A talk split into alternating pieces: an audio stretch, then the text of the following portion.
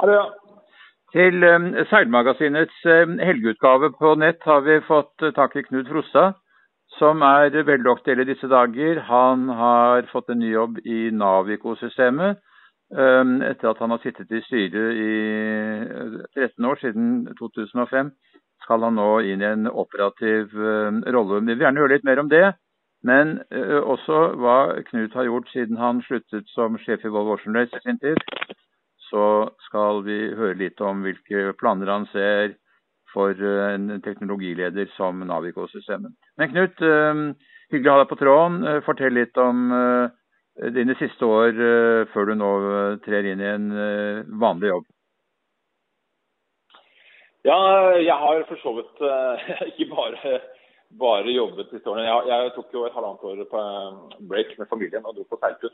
Og det etter at jeg sluttet i Volvo Årsnes eh, som sjef der. og det, det, var jo en veldig bra opplevelse. Så det var verdt det. Og når jeg kom tilbake derfra, så, så har jeg jobbet både som konsulent altså så har jeg sittet i en, parti styrer i forskjellige selskaper, og bl.a. i Navico, hvor jeg har vært lenge. Men jeg satt også, gikk også inn i styret i Volvo Årsnes for Volvo. Eh, og har vært kanskje involvert i den prosessen som de har hatt der med å og selge Volvo Vårsnes til, eh, til nye eiere. Betyr det at du nå er ute av Oceanes i og med at de nye eierne er på plass, eller kommer du til å ha en rolle i det som skal hete The Ocean Race? Nei, Nå er jeg ute av race, så jeg har sittet i, i, styret nå frem til årsskiftet. Eh, og nå er kan du si, eh, racet overlatt til nye eiere. og eh, og, eh, og, da har ikke Volvo noe lenger der. Og jeg satt også i styret som styremedlem for Volvo. Så, så, Volvo er ute helt nå av eierskapet, men jeg har sittet nå frem til, eh, til utgangen av desember. da. Så, eh, og jeg kommer til å være involvert. Jeg, jeg kjenner jo de nye eierne godt og, og, har jo hatt noen samtaler med dem. og, og jeg har jo, brenner jo fortsatt for, for racet og, og, fremtiden til racet. Så at jeg kommer til å kanskje bidra på noen råd. Og jeg har et par av teamene som jeg er litt mentor for, og et par av eh, de som er ute og eh, samler inn sponsorpenger osv. Så, videre. så jeg har en liten kontakt med det, men jeg kommer ikke til å være involvert som jeg har vært før på noen, noen som helst måte. Det, det, gjør jeg ikke. Nei, og seilekapitlet det er eh, et lukket kapittel, slik at ditt engasjement i seiling nå blir i business og selvfølgelig litt lystseiling innimellom med flerslagsbåt som jeg skjønner er ditt hjerte nær, og kanskje litt uh, andre ting også. Mm. Ja, jeg håper ikke seil, seilkapitlet helt lukket, men, men på sånn profesjonelt nivå så er det jo det, selvfølgelig. Uh, en gang i fremtiden så kan det hende vi tar familien på tur igjen. Uh, og Det, det var noe som flittet gjentakelse. Så, så og jeg har, litt, jeg har venner jeg seiler med her nede i Spania, hvor jeg bor nå. Og, og da seiler vi litt regattaer som er lokale. Eh, men ikke på noe sånn eh, veldig høyt nivå, men mer for sosial og for gleden. Og det er jo noe, noe jeg syns er veldig ålreit med seilsporten. At du kan justere ambisjonsnivået ditt opp og ned eh, i løpet av livet, og, og ha like mye glede av det. Men du begynner altså nå som fast i Navico. Den Tittelen din heter Executive Vice President. det betyr jo at du egentlig er leder for en del av Navicos virksomhet? Ja, jeg skal lede det som har med eh, kanskje det meste av det som har med eh, all, alt som ikke hardware, kan du si. Altså det som er software, det som er tjenester, digitalt eh, markedsføring. Eh, kanskje mye av det som hører fremtiden til. Eh, elektronikkbransjen har jo liksom gått fra å være eh, hvor man bygde harde maskiner og, og, og, utstyr og instrumenter, til å bli mer og mer tjenestebasert. og digitale produkter, apper eh, eh osv. som gjør at eh, kundeopplevelsen og brukervennligheten i fremtiden kommer til å være veldig annerledes enn det det har vært før. Eh, der ligger riktignok det maritime langt etter det som skjer på land. Men, men mitt ansvar er, liksom, er, det, som har med fremtiden å gjøre. og da er det en veldig spennende utfordring, helt klart. Og veldig mye i dag som vi gjør i Navico, gjør vi jo ganske likt på alle de, alle de forskjellige merkevarene, men, men altså innholdet på skjermene og en del av funksjonaliteten er selvfølgelig forskjellig for, for en seilbåt og for en som driver med fiske og en som har en motorbåt. Vil Volvo Oceaness være en pådriver for utviklingen der, tror du? Altså, Volvo Oceaness har jo helt klart vært en, en pådriver for utviklingen med, med BNG. Eh, og du skal ikke se ut, for ut for at det skjer i fremtiden. Eh, jeg tror jo en viktig bit som jeg syns er spennende å ta med meg videre i Navico fra Oceaness, eh, det er jo dette med å være tilkoblet eh, med båtene, som gjør at båtene har datakapasitet og kan kommunisere med land. Og Det åpner opp en masse muligheter for, for de som har elektronikk i båtene, med både sikkerhetsmessig, masse nyttig informasjon som gjør at opplevelsen vil bli bedre. Man kunne være mer effektiv inn og ut av havner, for fisking, man får bedre værinformasjon i båten. Og Dette er noe som Volvo Årsnes har ligget veldig langt fremme på i veldig lang tid. Vi har jobbet med satellittkommunikasjon med helt andre kan du si, ambisjonsnivå. for Vi har jobbet med video, som er kanskje det tyngste du kan overføre fra en båt til land. Uh, og har fått til det veldig bra. Uh, og Det var en av grunnene til at jeg er veldig glad for at jeg fikk med meg Jordi Neves fra Volvo som var, var min kan du si, teknologiekspert der i veldig mange år, og sjef for all vår kommunikasjon. Og han er nettopp ekspert på dette med, med å, å, å, bygge en connected boat, da, som vi kaller det, som er altså tilkoblet, tilkoblet land. Men Kan du se for deg at kostnadene kommer til å bli redusert vesentlig når det gjelder uh, overførings, uh, overføringen av data? Absolutt. Du kan si at Generelt så er jo de fleste av båtbrukerne i dag er, seiler jo eller bruker motorbåt veldig mye innenfor et GSM-dekningsområde.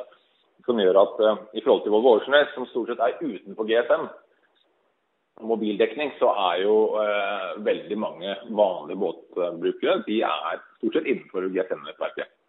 Det betyr ikke at man bare skal ha GSM, men, men det betyr også at det er en stor del av av kommunikasjonsplattformen. Men, men, selvfølgelig så må man også ha tilgang på satellitt, og det kan være i video og det kan være innenlandsfart og andre. Men også satellittkostnadene går nå dramatisk ned. Eh, og det kommer nye produkter. Ja, vi så bare siste på Vårsnes, så har prisen per, per megabyte data gått dramatisk ned. og det det tror jeg vi vil se i fremtiden også. Det kommer andre alternativer også til de som er tilbydere i dag.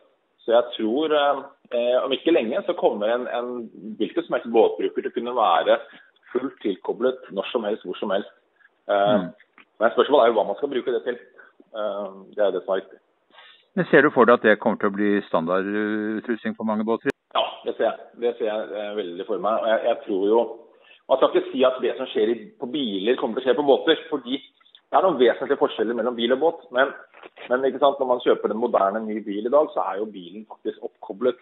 Og Det er nesten ikke noe du som, som bilkjøper bryr deg noe særlig om. Eh, men det er veldig nyttig, fordi hvis noe går galt med bilen, eh, så vet de som solgte bilen, eller produsenten, alt om det og kan hjelpe til. Eh, og så kan du da få masse andre tjenester fordi du har tilkoblet, som er veldig nyttig. Både med kartverk og finne frem trafikk, alt dette.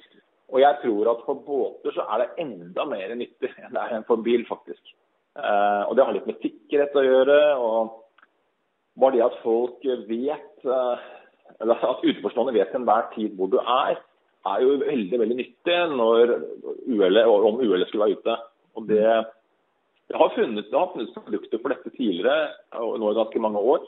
Men det er veldig lite utbredt. Eh, jeg har alltid klødd meg litt i hodet hvorfor ikke flere har en sånn satellitttracker om bord i båtene. Det koster veldig lite. og Jeg vet at MRCC, som er liksom den store operatøren med redningsaksjoner i verden, de setter veldig pris på det når båtene har det. Eh, for det gjør at eh, om mulig skal ut, så umiddelbart kan de lokalisere båten. Og de kan til og med kommunisere med båten, selv om personene skulle være i en redningsflåte eller alt. Så, eh, dette, dette, tror jeg er en fremtid, men det tar litt tid. Og det tar lengre tid tror jeg, på båter enn det tar på biler. Fordi eh, folk bruker litt lengre tid på å sette seg inn i ting, og folk bruker en båt mye mindre enn de bruker en bil.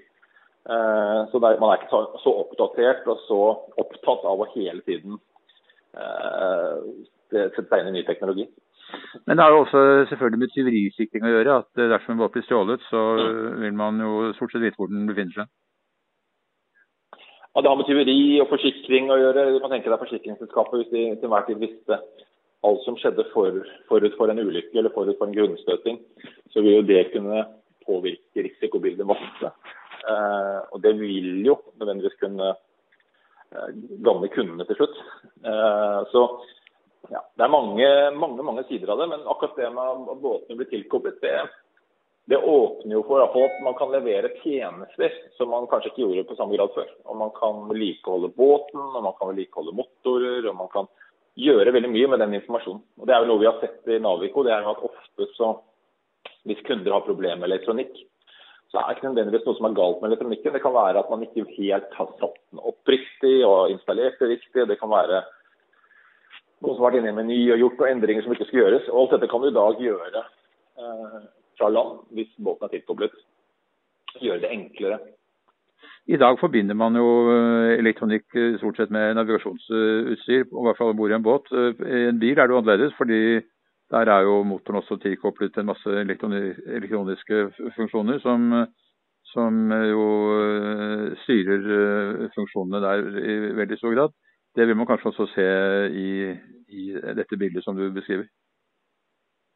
Det vil man. Eh, vi har jo allerede nå inngått, vi har jo samarbeid både med Benetton og Bavaria og flere andre produsenter, hvor vi leverer mye mer enn kan du si, en navigasjonssystem. Uh, og I dag så handler det veldig mye om å levere kan du si, et informasjonssystem.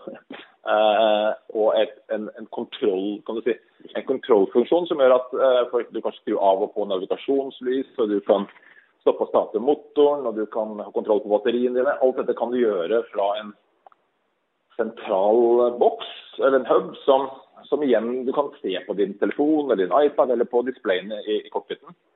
Eh, slik at funksjonen til elektronikken er mye mye bredere enn navigasjon. Navigasjon er like viktig fortsatt, men, men eh, det at du kan integrere alt, det forenkler veldig mye i båten. Eh, og du kan også etter hvert, Jeg ser for meg at i fremtiden så vil vi gå også litt den veien hvor vi gjør med biler. At man, man får smarte båter som, gjør, som, hjelper deg å, å, å, manøvrere båten bedre. Allerede nå så er det jo systemet på markedet for å, å, det de kaller autodocking. altså Du kan legge til automatisk med båten. Mm. Um, og det er sånne ting som Hadde du sagt det for ti år siden, så hadde folk kanskje ledd av det. Men, men, det er jo biler i dag som parkerer automatisk. Um, og mange mennesker kvier seg jo med å legge til. Så hvis man kan lage systemer som gjør at det er enklere å legge til med en båt, så tror vi at det kan hjelpe på båtopplevelsen. Eh, vi snakket i sted om at uh, regattaer som Volvo Ocean og kanskje America's Cup også er med på å utvikle elektronikkbransjen. Men kan du se omvendt at uh, utviklingen i elektronikkverdenen også kan bidra til å bringe seilsporten videre? Og i så fall, hvordan, hvordan, kan du tenke deg det? Jo, jeg tror det. Jeg, jeg, og jeg tror det er en viktig utfordring. Fordi jeg tror uh, Fortsatt så er jo seilsport en, en, en si, ganske komplisert uh, aktivitet. Og det er ikke uh, Vi vet jo veldig mye om hvor mange som seiler, og vi vet hva de gjør. Men vi vet ikke, vi vet ikke hvorfor de som ikke seiler, ikke seiler. uh, og jeg vet jo at mange som jeg har snakket med, de som ikke seiler, de, de syns det er veldig komplisert å kjøpe en båt. og det er skummelt, Hvordan skal du komme deg ut av brygga? og hvordan skal du, Dette med vær og forberede deg. Det er veldig mange aspekter da, som du skal har satt deg inn i. og Hvis du ikke har fått det inn med morsmelken, så er det ikke så lett å lære alt dette i voksen alder. Og jeg tror at elektronikken kan hjelpe deg til å gjøre dette enklere. Uh, uten sammenligning for øvrig, hvis du ser på hva en mobiltelefon hjelper oss til å gjøre i dag, eller en, en PC med kanskje operasjoner som i gamle dager var ganske vanskelig så gjør man jo det veldig enkelt i dag. Bare tenk noe så enkelt som å kjøpe en flybillett. Det går 25 år tilbake, så måtte vi ringe til et reisebyrå og så måtte vi diskutere. Altså. Og De satt på alle disse kompliserte systemene, Amadeus og gjorde bookinger. Og I dag så gjør jo alle det selv på telefonen uh, uten problemer. Fordi systemene har gjort det enklere for oss. Slik at vi mm. trykker liksom prisen vi har avgangen, og så sier vi go. Og Det er litt den veien jeg tror elektronikk kan hjelpe seilsporten. Fordi, fordi seilsporten det er en komplisert greie hvis du ikke kan seile ikke har lært å seile, og hopper om bord i en seilbåt. Så skal du lære først altså, motvind og medvind og kryss og vinkler. Eh, og bare Der har vi med BNG for eksempel, jobbet lenge nå med å, å, komme med informasjon som gjør det enklere for folk å forstå hvor høyt de kan gå med båten, og hvor lavt de kan gå, og, og hva det betyr hvis de slår nå, hvor treffer i land da, osv. Det er sånne ting som vi som har seilt lengst, sitter liksom i, i blodet. Men, men for en nybegynner så er det noe som kan kanskje stoppe folk fra å seile. Jeg, jeg, tror, jeg, tror, det kan gjøre sporten litt enklere og litt mer tilgjengelig. Uh, og så, så, er det, så, er det, jo andre aspekter ved elektronikk som gjør at du kan, du kan jo lære folk å seile bedre. Og, og navigere bedre og navigere mer fornuftig. Jeg syns jo uh, det er påfallende hvor mange grunnstøtinger det fortsatt er. Uh, det er klart I Norge så har vi mange grunner, men det burde være systemer. altså Teknologi finnes i dag for å lage systemer som forhindrer at det går på grunn. Mm. Uh, og det, vi, vi, har jo systemer som gjør at biler ikke krasjer i hverandre. og Det er ikke veldig vanskelig når du sitter med kartografi og du sitter med dybdesensorer og, og, i båten, og du har kontroll på styringen også elektronisk, så skal det kunne gå an å gi en alarm at nå holder det på å gå på grunn. Uh, eller rett og slett styre båten rundt en grunne unngå kollisjoner med båter osv. Her, her tror jeg det er vi har, vi har masse arbeid å gjøre, og, og vi, har, vi liksom ligger langt bak bilen sin. Men jeg tror, jeg tror, absolutt det er et viktig behov. Mm. Men igjen, hvis du ser tilbake ser på regattaseiling da, på høyt nivå, um, så har det jo vært litt kritikk over at f.eks. America's Cup nå sist gang, så, så trengte man ikke så mye seilere. Man trengte folk som hadde krefter til å dra i vinsjene på høyt tempo for å skape øh, kraft eh, til å, til å, drive alle disse forskjellige tingene. Man mente at kanskje det var gått litt for langt, og nå har man tatt et skritt tilbake. og At det er mer seilere som skal seile igjen. Men man kan jo se for seg at en sånn båt, eh, selv på America's Cup-nivå, kan jo drives på en måte helt automatisk. Så man egentlig kan sitte på land og styre hele sirkuset, sånn at det blir en, et modellbåtrace mer enn egentlig noe annet. Frykter du den utviklingen? Ja, men jeg frykter det, jeg vet ikke. Altså det, det, er jo det går jo den veien. og Det, det gjør det jo i America's Cup fordi marginene er så små. Uh, slik at når du er oppe på disse foilene og, og, det går såpass fort, så, så, så, greier en datamaskin å justere eh, altså Trimme båten bedre enn et menneske greier. Eh, og det, har, det, er ganske ny ting. for fordi hvis du setter opp en vanlig 40 fot enskrogsbåt, så er det veldig vanskelig for en datamaskin å gjøre det like bra, fordi forholdene endrer seg hele tiden. Og du må også kunne se ut på vannet hva som skjer foran båten. Nå kommer et vindkast, så kan du forberede deg på det vindkastet. Og Det er veldig vanskelig for en datamaskin å gjøre. Eh, jeg vet jo f.eks. I, i, i Bermuda, jeg var jo der og så på uh, med familien. Uh, og, og Der hadde de jo testet ut nye vindsensorer som, som fungerer som en slags radar, du kan måle altså, vind gjennom luftpartikler i store områder foran båtene. Og Dette vet er systemer som det jobbes ganske mye med nå på, på sånn America's Cup-nivå. Eh, så kanskje i fremtiden kan man faktisk kartlegge vinden foran båten eh, og gjøre det også automatisk. Men, men eh, jeg, jeg, tror vel ikke, jeg tror vel ikke at seilsporten på en måte vil bli noe ødelagt av det. Jeg tror at det er altfor Seiling er så komplekst og det er så mange variabler. Så det er klart at Hvis alle båtene også har tilgang til all informasjon fra de andre båtene, da begynner det å bli et slags digitalt puslespill. Du kan se når båter slår, og da blir det som en sånn sjakkcomputer som kan fortelle deg at med den plasseringen du har i feltet nå, så vil det lønne seg å slå og ikke slå. Men, men det er jo fortsatt uh, ganske trygt beskyttet i seilsporten at det er ikke lov å ha kommunikasjon med land uh, under en regatta. Men det, er, men det er jo bare et uh, pennestrøk som skal til for å endre det, da? Det er et pennestrøk som skal til for å endre det, og da, da vil du få det såkalte sjakkomputeret på hånden, tror jeg. Som, som, vil gi deg veldig mye gode taktiske vurderinger. da. Mm. Men vi, vi, vi, får se på de eh, positive tingene som gjør det tryggere for folk å seile på havet og lettere å kommunisere. Lettere å seile riktig, lettere å lære å seile sikkert. Eh, kanskje man kan hindre kollisjoner, ikke gå på grunn så mye. Forsikringspremiene kan gå ned. Det er mange andre ting som er veldig positive. og og det skal du jobbe med i tiden fremover. Eh, det blir jo veldig spennende. så vi ønsker deg jo eh, lykke til med det, og håper at eh, i og med at du er norsk, så, så vil vi få gleden av å lære mye om det her i Norge. Og, og gjennom Seilmagasinet og andre fora så skal vi følge med deg med stor interesse. Så jeg sier tusen takk for samtalen, Knut, og, og lykke til med din nye jobb. Takk skal du ha. Hei, hei. hei.